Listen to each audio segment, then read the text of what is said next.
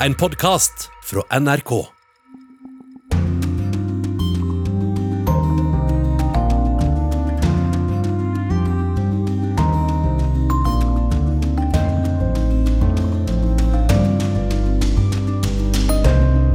Hellas er dømt i Den europeiske menneskerettsdomstolen for å ikke gjort nok for å redde flyktninger på havet.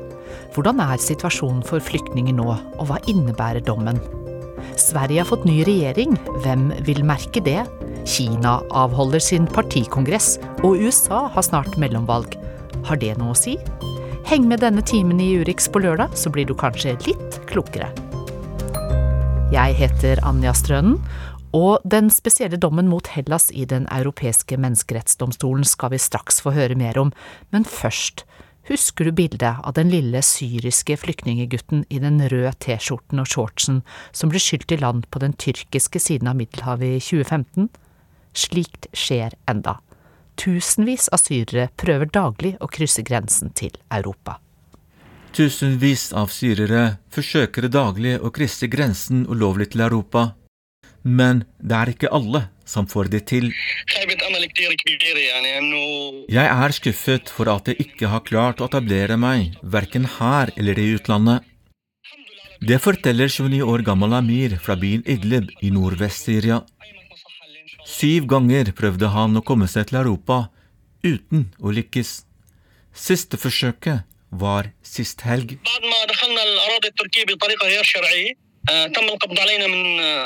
Etter at vi hadde krysset grensen ulovlig til Tyrkia, ble vi stoppet av tyrkisk politi. De sendte oss tilbake til Syria, forteller Amir på telefon til NRK.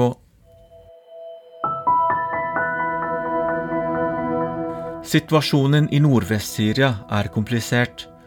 Området styres av forskjellige opprørsgrupper, bl.a. Al-Nusra-fronten. Al-Nusra er en del av terrorgruppen Al Qaida. I tillegg bor det rundt fire millioner syrere. De fleste av dem er flyktninger etter elleve år med borgerkrig. Det er en stor arbeidsledighet her, og sikkerhetssituasjonen er ustabil. Derfor velger mange unge menn å komme seg til Europa.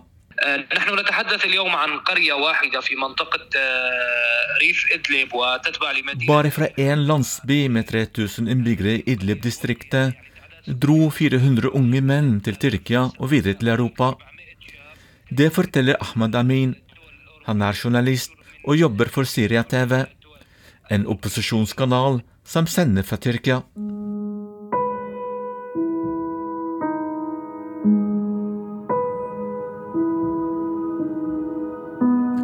Reisen fra Syria til Europa er både kostbar og farlig. Syrere risikerer å bli tatt av gresk politi, banket opp og miste alt de eier, forteller Allah. Men det hindrer ikke tobarnspappa fra å prøve lykken på den andre sida av grensen.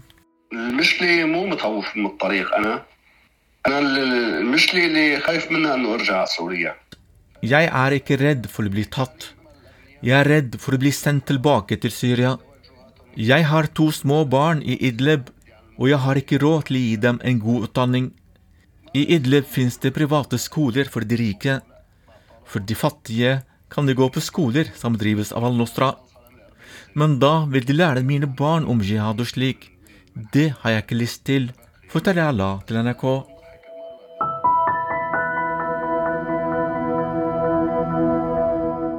I sentrum av byen Idlib sjekker Amir mulighetene for å krysse grensen til Tyrkia og videre til Europa for åttende gang.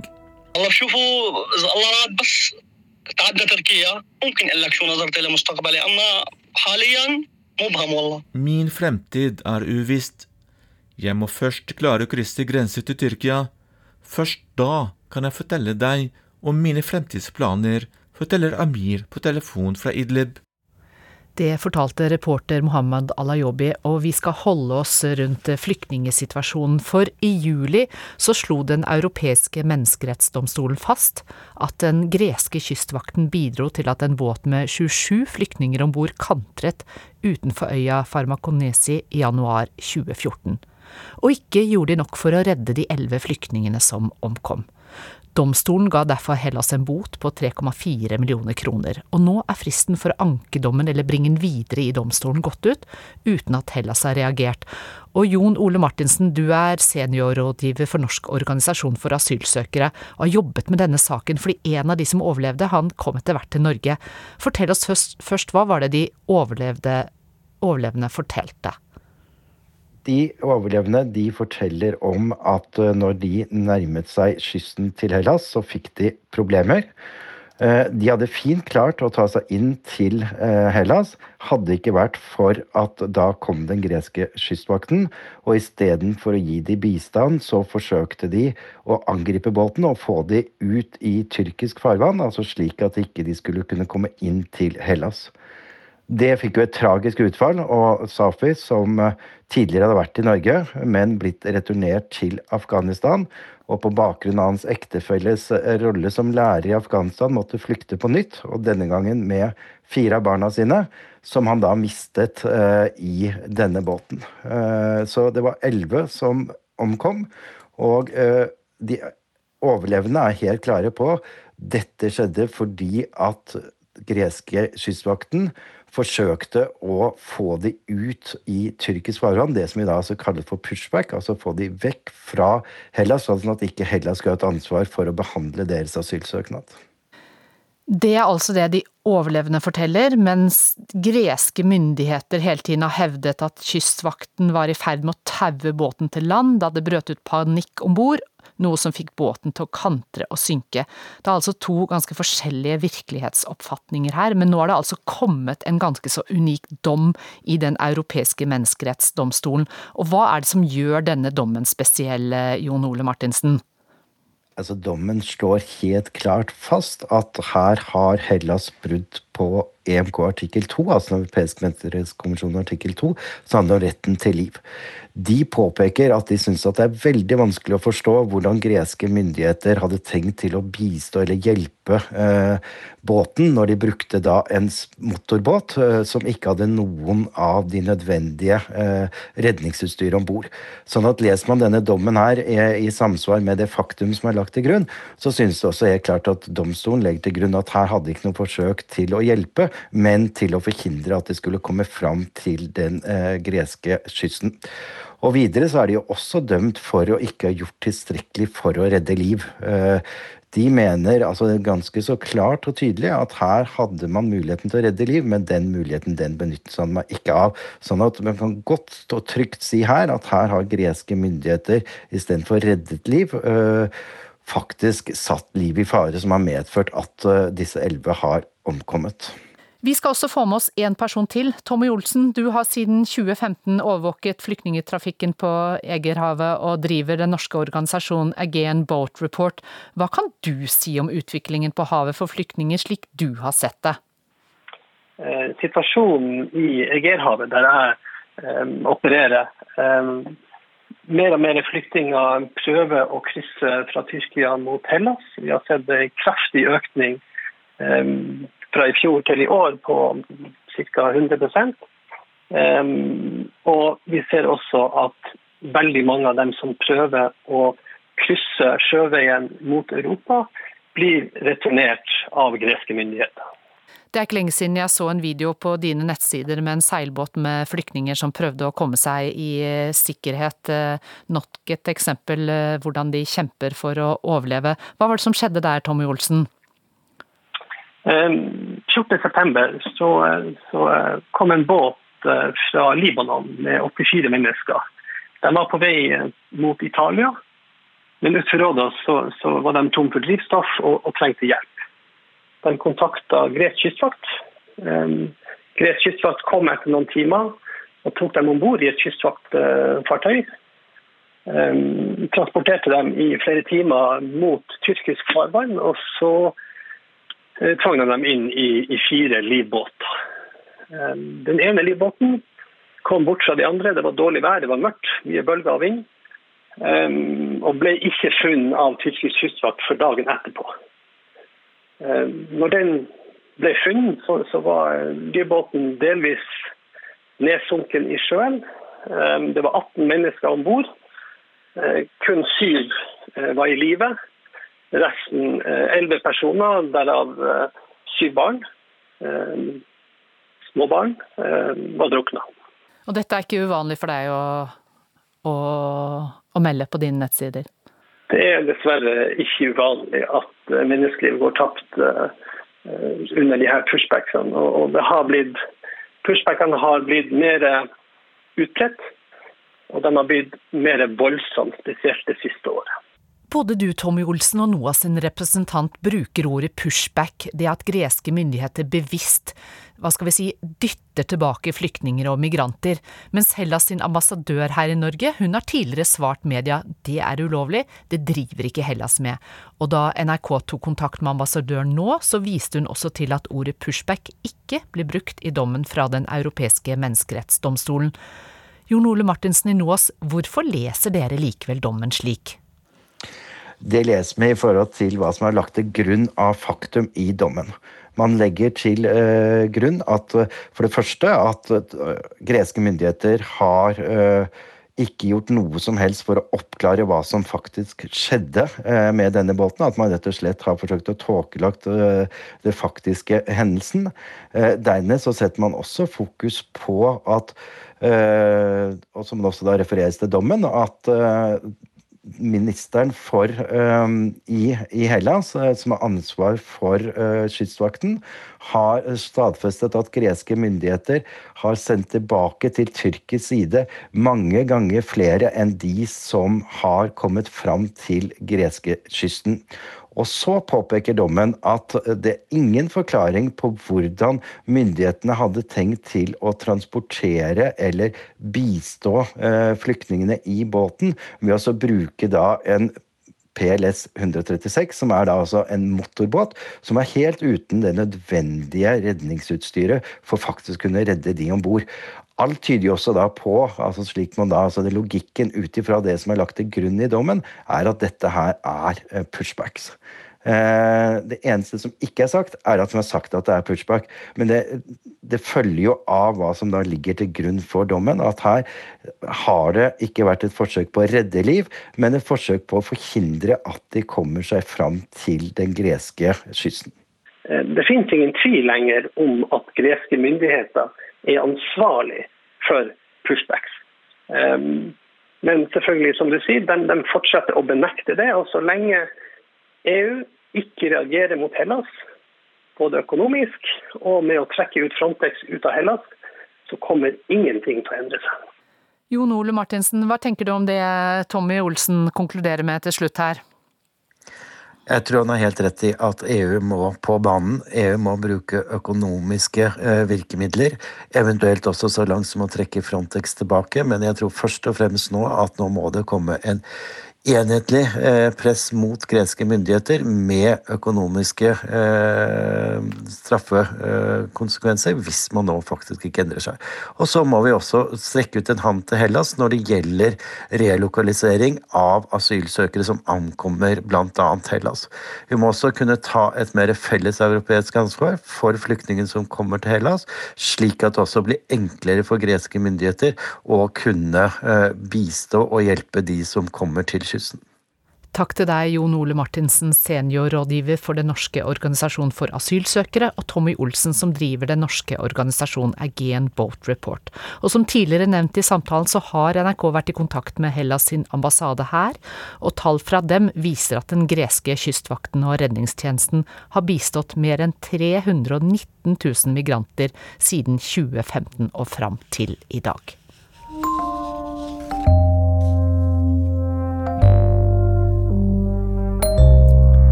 Det var valg i Sverige 11. september, men i går, da kom endelig regjeringsavtalen. Det blir Moderaterna, Kristendemokraterna og Liberalerna som danner en ny trepartiregjering.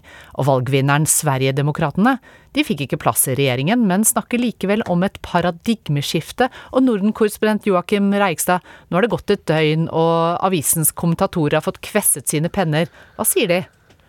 Ja, Det er jo litt forskjellig. Aftonbladet, som er uh, uttalt sosialdemokratisk i sine lederartikler, uh, skriver jo bl.a. at uh, de ikke tror på at Sverigedemokraterna på noe tidspunkt har ønsket å være med i denne regjeringen. At de ønsker å stå utenfor for å slippe å ta ansvar for regjeringens politikk. Mens den liberale avisen Ekspressen skriver f.eks. at det virker merkelig at kritikken kommer så sterkt mot en regjering som samarbeider med det nest største partiet altså Sverigedemokraterna, eh, i en regjering. At det at de skal ha påvirkning på svensk politikk, må man bare innse når valgresultatet ble slik det ble. Det er i hvert fall de to store avisene som, som skriver det. Men hva går dette paradigmeskiftet til eh, Sverigedemokraterna ut på? Ja, Det er jo en ganske betydelig innstramning på utlending- og innvandringspolitikken i Sverige som ble lagt fram nå. Det skal bli vanskeligere å få asyl, det skal bli vanskeligere å få familiegjenforening. Bistandsbidraget fra Sverige skal eh, senkes.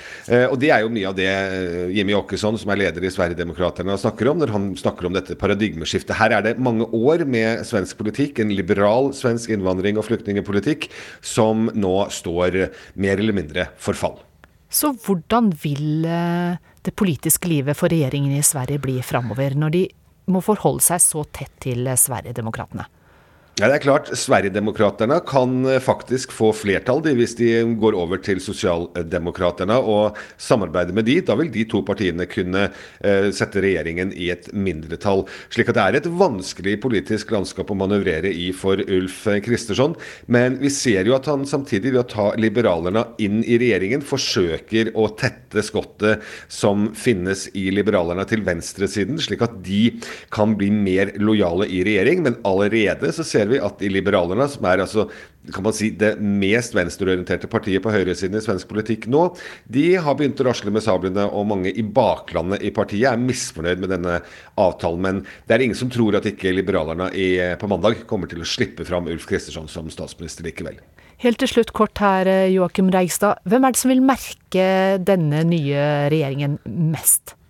Nei, Det ser man først og fremst på kriminalitet og på innvandringspolitikken. Dvs. Si at alle som prøver å få eh, opphold i Sverige, vil få det vanskeligere nå.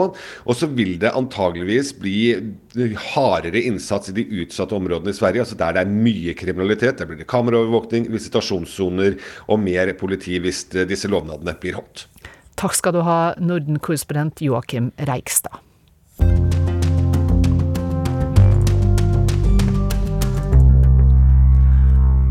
Og vi forflytter oss til Ukrainas hovedstad Kiev. Der er du med oss, reporter Charlotte Bergløft, og det var en by man følte seg relativt trygg i for en ukes tid siden, men etter mandag så lærte innbyggere både der og i flere andre byer at missiler de kan slå ned hvor som helst, når som helst. Hvordan er situasjonen i Kiev nå?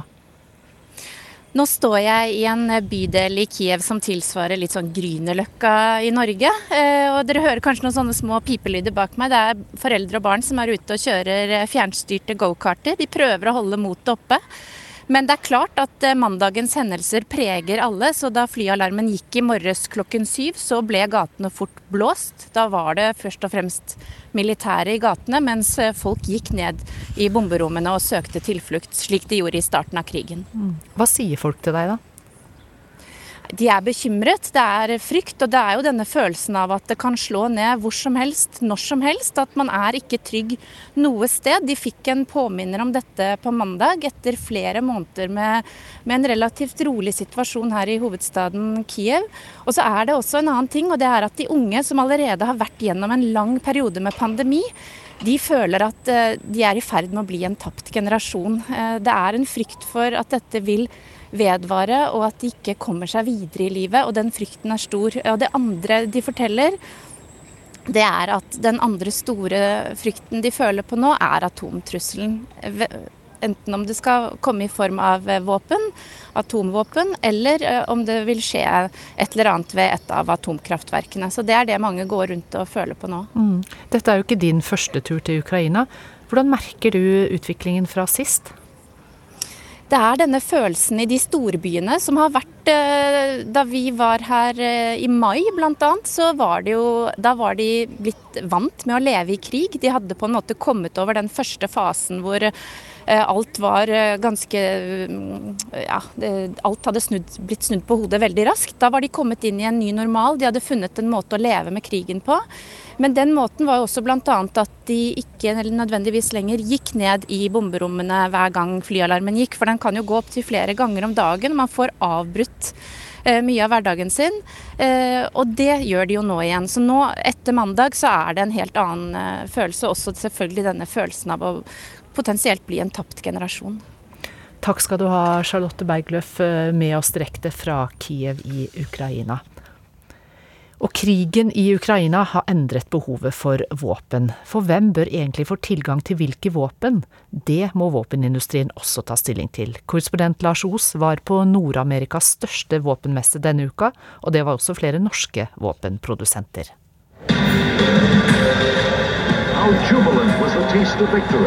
Se for deg ei fotballbane stappfull av militært utstyr. Langs den brede midtgata står det futuristiske stridsvogner, pansra kjøretøy, glattpolerte helikopter og droner i alle størrelser og fasonger. Et hav av dresskledde menn, noen kvinner og en drøst offiserer i ulike grønnfarga uniformer. På skjermene ruller treningsvideoer av alt ifra pistolskjøting i sakte film til animasjoner av laserbaserte antiluftbeskyttelsesvåpen Og så kan du doble det. Dette er USAs viktigste arena for våpenindustrien og forsvar. Vi har vel aldri skrevet en kontrakt med noen under en messe noen gang, men det er en møteplass. Det er en møteplass mellom Forsvaret, industri og myndigheter. Morten Brandsteg gir meg et varmt og kraftig håndtrykk når jeg møter sjefen for Totenselskapet Nammo på messegulvet. Han er som flere norske produsenter av våpen på plass i Washington DC for å møte en av deres viktigste kjøpere og samarbeidspartnere. USA er utrolig viktig. Det er langsiktige kontrakter, det er ny teknologi. Det utgjør ca. 40% av salget eh, til Nammo. Og det er nå det landet hvor vi har flest eh, ansatte. Og det er snakk om store summer, for i fjor var omsetninga til Nammo på 7 milliarder kroner. De produserer ammunisjon til sportsskjøting, jakt og fritidsbruk, men først og fremst til soldater. Samt panservernraketter og jetmotorer til missiler. Her i USA er markedet enormt, spesielt når militæret er deres største kunde. Forsvarsbudsjettet til amerikanerne til neste år er regna til å bli 761 milliarder dollar. Nesten to tredeler av det norske oljefondet.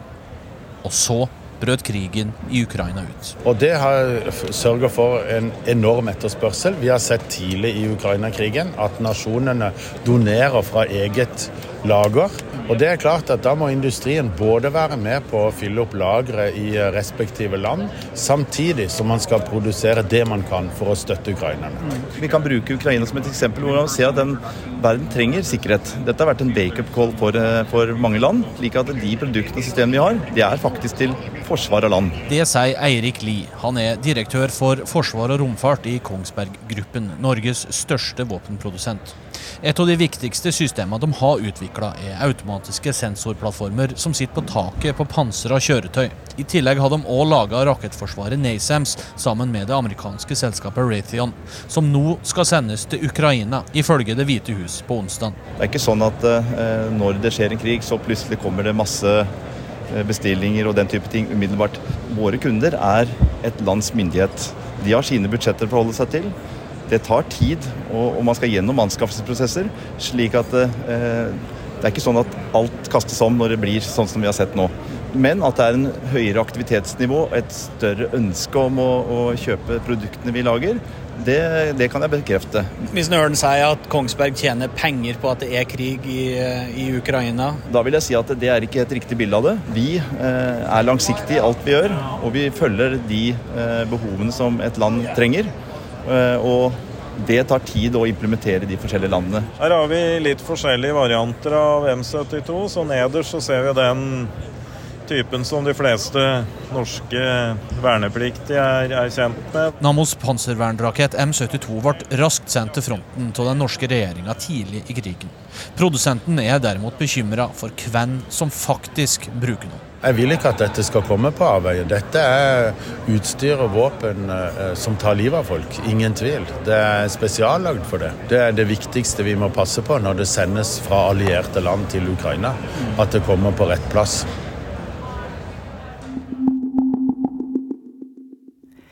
Morgen så åpner det kinesiske kommunistpartiet sin 20. partikongress. Det er en femårig begivenhet som i år får mer oppmerksomhet enn det som er vanlig. Grunnen er enkel, sittende president og partileder Xi Jinping vil bruke kongressen til å sikre seg en plass som Kinas tre største ledere etter at kommunistene kom til makten. Og Asia-korrespondent Philip Lote i Beijing, mye er jo forhåndsbestemt. Vi vet med ganske stor sikkerhet at Xi får en tredje periode. Men hva er det som gjør at vi likevel følger denne partikongressen så nøye? Fordi Det er jo nå det skjer, og det har ikke skjedd på flere tiår, at en leder sikrer seg en tredje periode. Og Det kan jo skje ting helt i oppløpet, og så er vi spente på hvem han tar med seg i ledelsen. Hvem andre er det som får sentrale posisjoner? Det betyr mye for Kina, men det betyr også mye for verden. Vet vi noe om det nå? Ja, vi kommer til å få vite hvem som kommer til å sitte i den øverste partiledelsen eh, i løpet av uken. Vi er spesielt spente på hvem som blir nummer to, altså hvem som kommer til å ta rollen som statsminister. Vil dette være en person som er nær eh, Ski, eller må han balansere ulike fraksjoner i partiet? At han kanskje tar inn en som regnes som enten å være mer nøytral eller har litt større politisk avstand til han. De fleste tipper at det vil bli flest ja-folk, altså folk som er ganske lojale og har jobbet tett opp mot eh, Ski over tid, enten litt lenger ned i partiet eller ganske høyt opp i partiet. Kan du ikke si litt om oppkjøringen til denne partikongressen de siste månedene og ukene? I august så hadde de den sommerlige samlingen som de da har i eh, badebyen Baidahø. Eh, og så var det stille ganske lenge. Og da tror jo de som følger kinesisk politikk at de drev og la kabal. Og så gikk det noen uker hvor eh, Xi Jinping ikke var synlig i offentligheten. Man lurte på om det var trekninger i partiet, om det var fraksjonering. Og så uh, dukket han opp uh, på en markering nord i Kina uh, for å ta del i en markering for kampen mot den japanske okkupasjonsmakten under, under andre verdenskrig. og da tolket de fleste som at nå var maktkabalen lagt. Nå hadde Xi og andre i partiet blitt enige om hvem som skal sitte i ledelsen. Eh, og så eh, kom det en periode nå hvor det har vært eh, flere korrupsjonsdommer. Bl.a. så har en tidligere justisminister fått en dødsdom for korrupsjon. Den vil bli omgjort til en livstidsdom etter to år. Men også tre fremstående politisjefer er dømt. og Det blir tolket dit hen at han ønsker å sette et eksempel eh, om at eh, motstand ikke vil bli tolerert opp imot eh, partikongressen. Eh, og det er jo kjent at selv om Xi eh, er populær for å rydde opp i korrupsjon, og at eh, Kina har klatret på rankingen til Transparency International, så har han også brukt antikorrupsjonskampanjen for å rydde unna motstandere. og Mange har tenkt at han nå ønsket å sende et signal i forkant av partikongressen. Og Så har det de siste ukene, etter, i forkant av nasjonaldagen 1.10 eh, og etterpå, blitt pyntet i byen. Det er eh, blomster flere steder. Og i særlig grad så er det bannere som henger fra broene med forskjellige slagord. Bl.a. at partiet har alltid folkets velferd i tankene, er noe som går igjen. Eh, og snart kommer det den store, viktige partikongressen. Men det har jo vært én særdeles tydelig protest eh, for to dager siden med bannere med protester både mot koronaregimet og Skis ledelse som ble hengt opp eh, av en mann på en bro. Hva var etterspillet her? Etterspillet var at de slo ganske knallhardt ned på sosiale medier. Alle forsøk på å spre dette ble stanset. Mannen ble pågrepet eh, ganske eh, raskt. Vi tror han er en eh, forholdsvis ung mann fra eh, Nordøst-Kina. Og selv om eh, forskjellige bloggere og andre som poster på eh, kinesiske sosiale medier, ikke kan snakke direkte om denne hendelsen, ikke kan dele bilder, så har det vært en tendens til at folk bare skriver enkle ting, som at i dag var det én modig mann i Beijing, uten noe hashtagger eller noe sånt noe, for da blir det ofte stanset. Uh, og så har jo da sikkerheten blitt ytterligere skjerpet etter dette her. Det var jo spesielt at han hang dette opp fra en bro, akkurat som partiet gjør med sine slagord. Eh, og De siste dagene så har det vært skjerpet sikkerhet på broene, mer politi. Og i forkant av dette så var det også utstasjonert politifolk på togstasjoner, sentrale knutepunkt. Så det er spent i byen, og det er kanskje litt færre folk i gatene. Noe det ofte er når de vet at det er en stor politisk begivenhet som dette er på gang. Helt til slutt her, Asia-korrespondent Philip Lote. Når er Kinas nye ledelse klar? Partiledelsen den vil vi få vite på slutten av eh, partikongressen. Eh, vi vil jo få noen hint underveis. Eh, også Det tar ca. en uke. Men så skal da altså etter at partiledelsen er på plass, så skal den nye regjeringen med alle mulige, ulike ministre, viseministre, visepresidenter etc.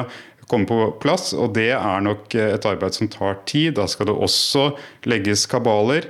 Eh, og den regjeringen den vil jo da få sitt eh, godkjentstempel på Folkekongressen, som er i mars. Forskjellen på partikongressen og Folkekongressen er jo ganske enkelt at partikongressen kun har vært femte år eh, og peker litt lengre fremover. Partiet er jo nærmest hevet over alt annet i Kina, mens Folkekongressen, som formelt og legalt er det høyeste organet, den holdes hvert år. Tusen takk skal du ha, Asia-korrespondent Philip Lote.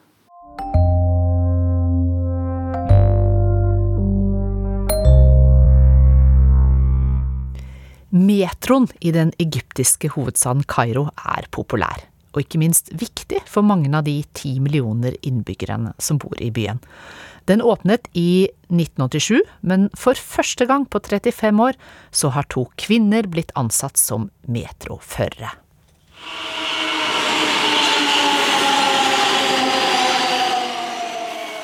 Metroen suser inn mot en av Kairos 74 metrostasjoner.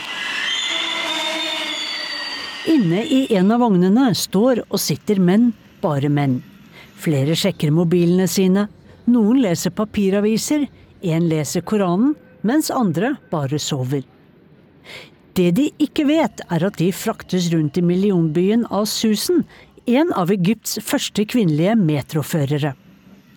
For etter opplæring og kjøretimer har Susan og Hint inntatt metroens førerseter.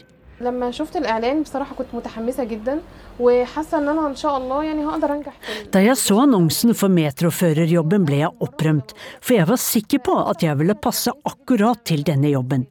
Og jeg syntes det ville være supert å få bli en av Egypts første metroførere. Det sier Hint Oma Mahmoud til nyhetsbyrået Reuters. Den unge kvinnen sitter bak det mørkegrå kontrollbordet i metroens førerhus. Der bestyrer hun masse knapper, skjermer og spaker. Hint har på seg gul vest med refleks, over en blå langarmet skjorte og olabukser. Over håret en hvit hijab. Opplæringen forberedte meg på ansvaret for metrovognene og passasjerene uten å bli nervøs. Først kjørte jeg bare tomme tog med en hjelpelærer. Deretter alene med de tomme togene, og deretter med passasjerer og en erfaren sjåfør. Og nå går alt bra, sier Hint til Reuters. Så setter hun toget i bevegelse bortover skinnene, inn mot en tunnel. Kairos metro er ikke hvilken som helst metro. Den er bare én av to T-baner på det afrikanske kontinentet. In this often chaotic city, the metro is something of a miracle. Efficient and orderly, Egyptians often say it's the only thing in Cairo that never breaks down. I denne til tider svært kaotiske byen er metroen et lite mirakel. Egypterne sier at det er det eneste i byen som aldri bryter sammen. Det sier den kjente filmskaperen Karin Muller fra National Geographic. Hun besøkte metroen med et team for et par år siden. Selv under revolusjonen i 2011 fortsatte metroen å gå, sier Muller i et videoklipp for The Human Planet.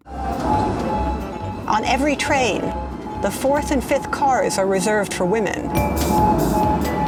Og i hvert tog er den fjerde og femte vognen reservert for kvinner, slik at de skal slippe uønskede tilnærmelser fra menn. Ikke bare er metroen den tryggeste måten å reise på for kvinner i denne byen med ti millioner innbyggere. Men kvinnene mener også at det lukter mye bedre i deres vogner enn i mennenes. På perrongen suser metroen inn, med susen bak spakene. I det arabiske Egypt er ikke folk vant til å se kvinner i slike jobber.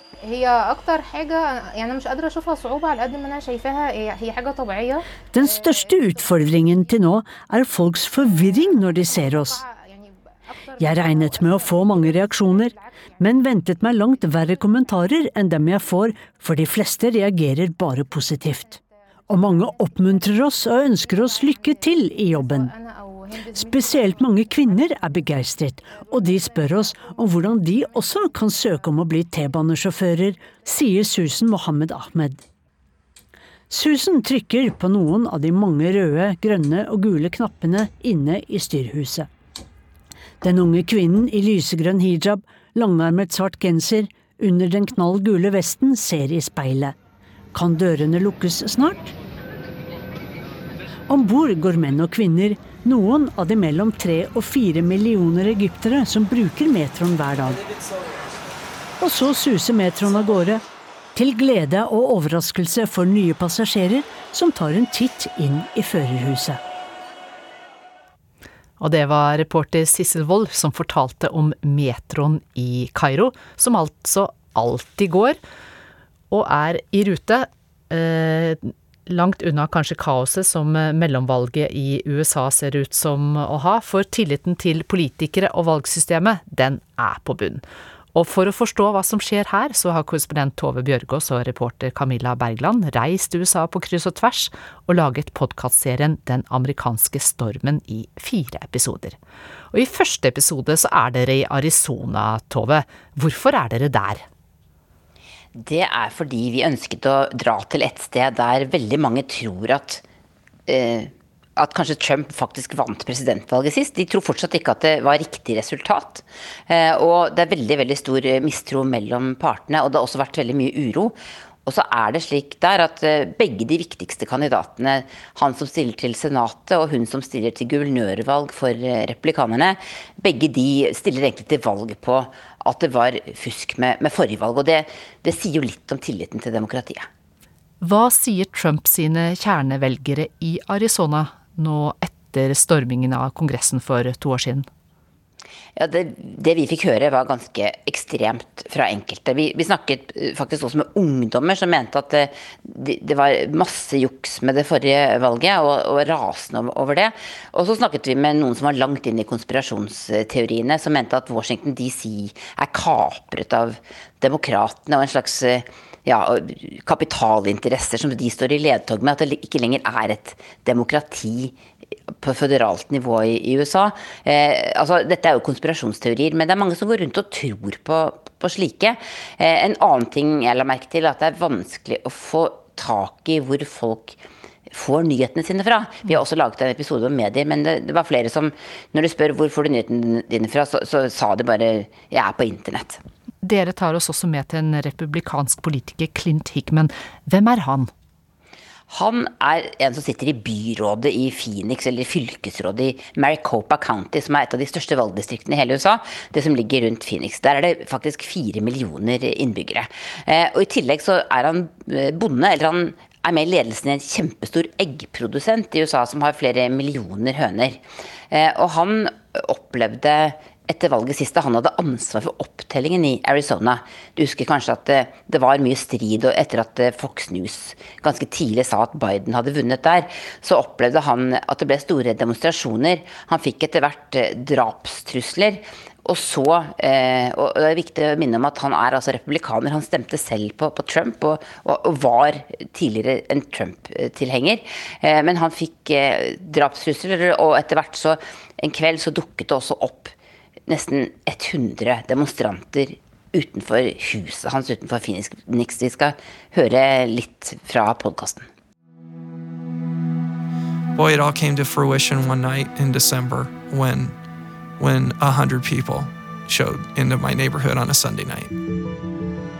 En søndag noen uker senere, like etter at Biden hadde blitt erklært som vinner i Arizona, skulle Clint få oppleve at det slett ikke var over.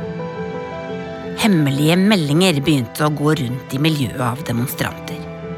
De ble bedt om å møte opp utenfor huset til Klint. Han var hjemme sammen med kona og de tre barna.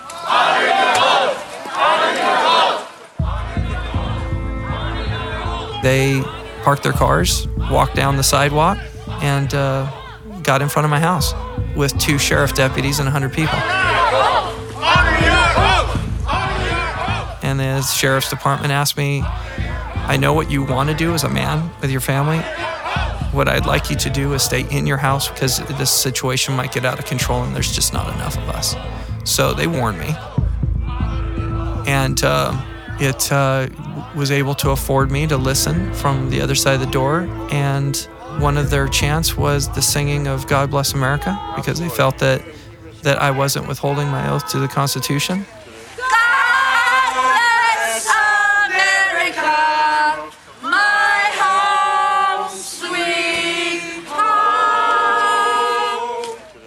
Um, it was about the worst rendition of God Bless America I've ever heard, and most of them didn't know the words. So uh, that was a nice time and some levity because even my kids knew the words better than than these adults that would come to my house and threaten me with a patriotic song. How did your kids react to this? My kids weren't intimidated at all, and uh, I have two boys, teenage boys, and they wanted to they were the ones that wanted to get out the house first and, and see some people. And it's like, let's just stay in and see where this goes. But be prepared if somebody tries to come through that door. And we were. I flere timer var Clint og familien omringet av sinte demonstranter. Med bare to politifolk til å forsøke å holde dem unna. Til slutt ga demonstrantene opp og gikk hjem.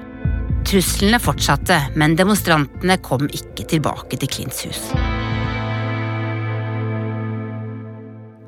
Ja, Tove Bjørgaas, dette var en liten smakebit fra den podkastserien eh, som eh, du og Camilla Bergland eh, nå har lansert. Og hvor går ferden videre etter Arizona? Ja, det som skjer videre i, i, i podkasten er jo at 14 dager etter at det vi hører her skjedde, så ble Kongressen stormet. Og det er jo på en måte bakteppet for den valgkampen vi står midt oppi nå, at mistroen mellom de to partiene er så stor. Og det valget som kommer 8.11, det kommer til å handle om hvem som skal få kontroll over Kongressen i, i Washington. Der handler det kanskje om Eh, fem til sju seter i Senatet som vil avgjøre hvem som får kontroll der. Og i Representantenes hus så, så, er jo altså alle setene på valg. Og der ligger det noe annet til at republikanerne kan overta makta, men det vet vi jo ikke før valget har vært. Og jeg er usikker på hva Clint Hickman, som vi hører, det her kommer til å gjøre. Men han tror nok at det kommer til å ta litt tid før hans republikanske parti eh, blir slik han ønsker at det skal eh, være.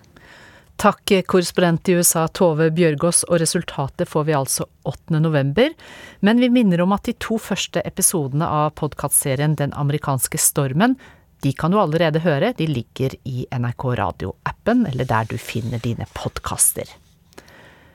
Nå skal vi til Benin og hilse på noen foroverlente og fremtidsorienterte gründere. De har startet å selge elmopeder i et land der elektrisitet fortsatt er en mangelvare men om fremtiden skal bli mer miljøvennlig, så må man starte et sted, sier de unge mennene, som satser på elmopeder i Togo og Benin.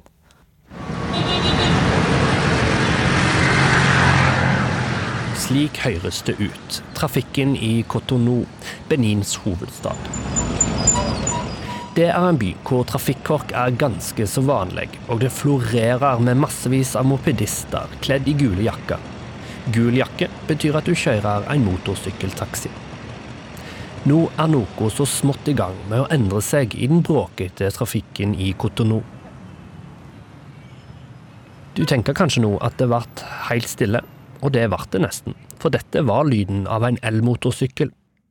Et indisk firma har pekt ut Togo og Benin som satsingsland i sitt mål, som på sikt er å erobre hele Afrika med sine elmotorsykler.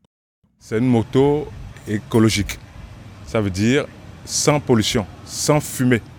Det er en miljøvennlig motorsykkel som ikke forurenser eller lager eksos.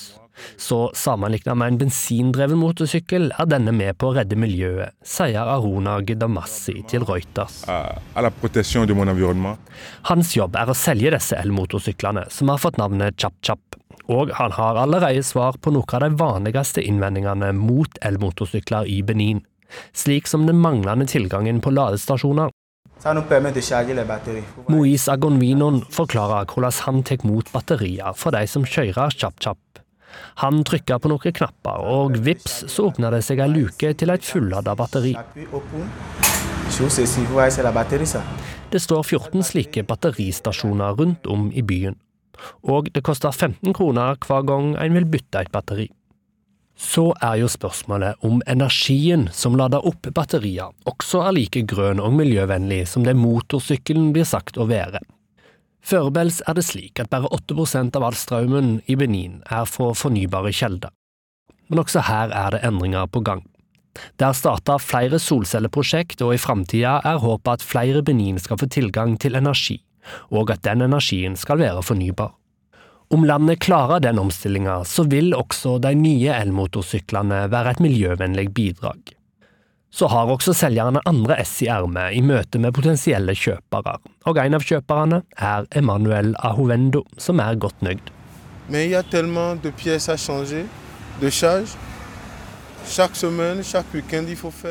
Det er ofte mange deler som må byttes ut på de bensindrevne motorsyklene, og du må skifte olje hele tida. Men med denne nye motorsykkelen her, så må du bare skifte batteri, og så er du i gang, sier transportbudet Ahovendo. Før han setter seg oppå parabolantenna som han er i ferd med å frakte til en kunde, og som han har plassert sånn halvveis trygt mellom rumpa si og motorsykkelsetet. Mange av motorsyklene som vanligvis svirrer rundt i trafikken i Benin, er produsert i Kina, og kvaliteten kan variere mye. Selgerne av den nye Chap-Chap-modellen fra India har derfor lagt stor vekt på at vedlikeholdet er mindre når en har elmotorsykkel. Men ikke alle er helt overtyda ennå. De fleste elmotorsykler er så langt solgt til private, men de gulkledde taxisjåførene har ikke gått mann av huset for å kjøpe et nytt kjøretøy. For de kjører så mye som 200 km hver dag, og da synes det ikke de det er praktisk at batteriet bare holder i 70-100 km. Il n'y a pas le point de recharge des batteries. C'est pas la peine. Om det ikke er mange nok ladestasjoner for batterier, så er det bedre å kjøre motorsykler som går på drivstoff, sier Romual Dosu Jovo. Det indiske firmaet bak ChopChop, M-Auto, har starta i Benin og Togo, og fått til gunstige avtaler med styresmaktene der. Så langt er det snakk om noen få tusen doninger, men målet på lang sikt er å nå ut til hele Afrika med de lydløse motorsyklene, som allerede er grønnfarga på utsida, og som de også håper skal fylles opp med mest mulig grønn energi på innsida. Det fortalte reporter Vegard Kjørom. Og fra elmopeder til et land som nesten ikke har elektrisitet. For i Libanon har knapt folk en times elektrisitet i døgnet. Hele landet drives av forurensende og dyre dieselaggregater. Og Midtøsten-korrespondent Yaman Wolasbal han bor i Beirut med familien sin. Og i ukens korrespondentbrev så forteller han om hvordan elektrisitetsmangel preger Libanon, og hvordan en historisk gassavtale med erkerivalen Israel kanskje kan snu den negative utviklingen i det skakkjørte landet. Da har strømmen gått igjen. Normalt kommer strømmen tilbake automatisk i det bygget jeg bor i, men Noen ganger må jeg fysisk inn på kjøkkenet der jeg er nå, til et panel på veggen her, for å eh, trykke ned en bryter for å få strømmen tilbake. Der har vi fått strømmen tilbake. Jeg er nok blant de heldige som har strømmen et tastetrykk unna. For de fleste libaneserne er realiteten ganske annerledes.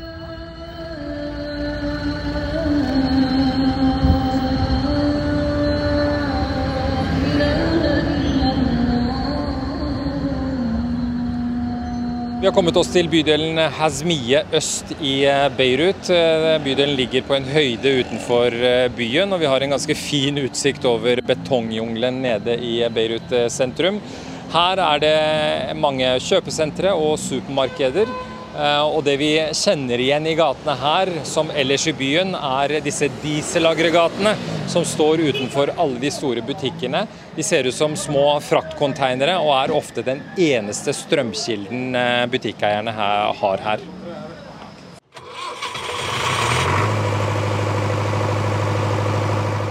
Sharbel Khalil har akkurat skrudd på sitt aggregat fordi den offentlige strømmen, som varer i noen få timer om dagen, plutselig forsvinner. هلا المشكله الكبيره هي الكهرباء كثير بيصرفوا كهرباء وما فيك تقطع عنه الكهرباء 24 Det største problemet vårt er mangelen på elektrisitet. Vi har varer her i fryseboksen som kan bli ødelagt hvis vi ikke har strøm. Vi er i butikken til Sharbel. Dette er et lokalt supermarked. Litt sånn som en Joker-butikk hjemme i Norge. Det er en bitte liten butikk på 100 kvadrat. Her har han fått plass til alt man trenger av dagligvarer og matvarer. Det er til og med et lite hjørne med sprit, som er vanlig å selge på supermarked i Libanon. I dag er tilfeldigvis strømleverandøren på besøk, dvs. Si de som eier aggregatene i nabolaget til Sharbel. Mens han teller for harde livet, får jeg se den gigantiske strømregningen for de fire siste ukene. Libanon opplever hyperinflasjon, som betyr at verdien på de lokale pengene har kollapset. Derfor er den ene av to strømregninger på mange titalls millioner. For én måned betaler jeg 98 millioner, og det er for bare én av to generatorer, sier butikkeieren. I alt bruker jeg 4000 dollar på elektrisitet hver måned. Slik har de fleste libaneserne hatt det de siste årene. Staten er lammet av vanstyre og korrupsjon. Myndighetene klarer ikke å levere en nødvendighet til folket som elektrisitet. De klarer ikke engang å samle inn det folk skylder dem i strømavgifter. Jeg har bodd i Beirut i to år, men jeg har fortsatt ikke fått en eneste regning for den offentlige strømmen jeg har brukt.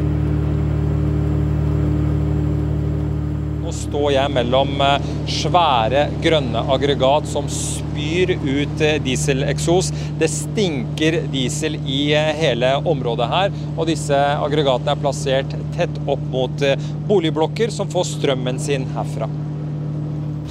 We get our electricity from the generators. Uh, we have to pay almost 300 dollars per month. Faisal bor ikke langt unna butikken til Sharbel. Han jobber som lærer ved en privatskole, og sier at han bruker nesten halve lønnen sin på strømregningen som kommer fra aggregatleverandøren, eller The Generator Mafia, som libaneserne kaller det. Libanesere må abonnere på tjenestene til generatorleverandørene, som selv avgjør prisene sine. Myndighetene tør ikke regulere markedet, i frykt for at aggregatleverandørene skal kutte strømmen til folket.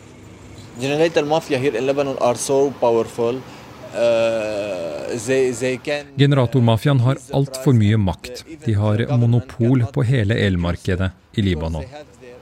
Generator mafia controls the whole electricity market here in Lebanon.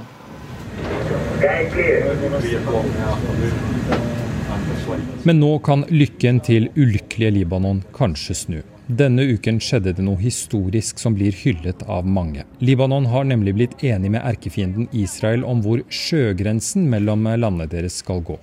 Takket være amerikansk megling har de bitre fiendene også blitt enige om fordeling av gassforekomster på grensen. Ifølge myndighetene her i Beirut er det snakk om nok gass til å dekke elektrisitetsbehovet til Libanon i minst 20 år fremover.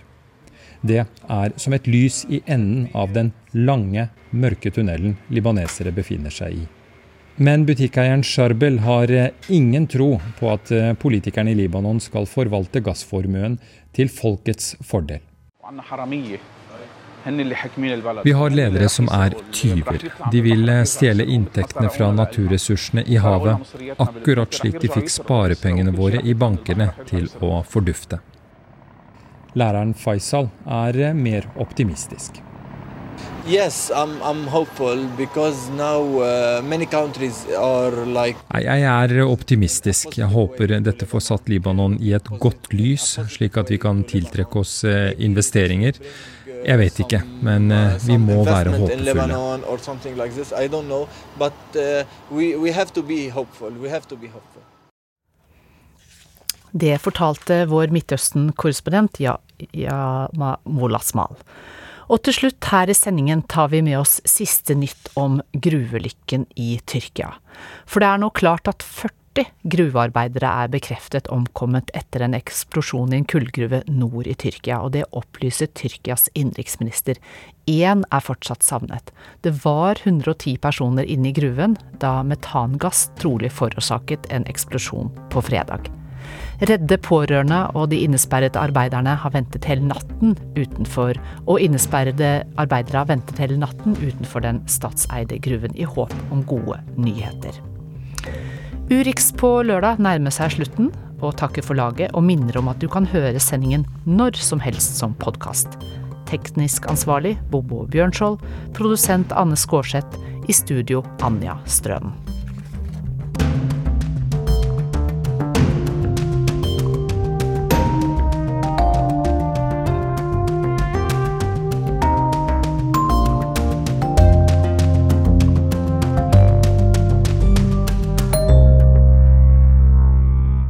Du har hørt en podkast fra NRK.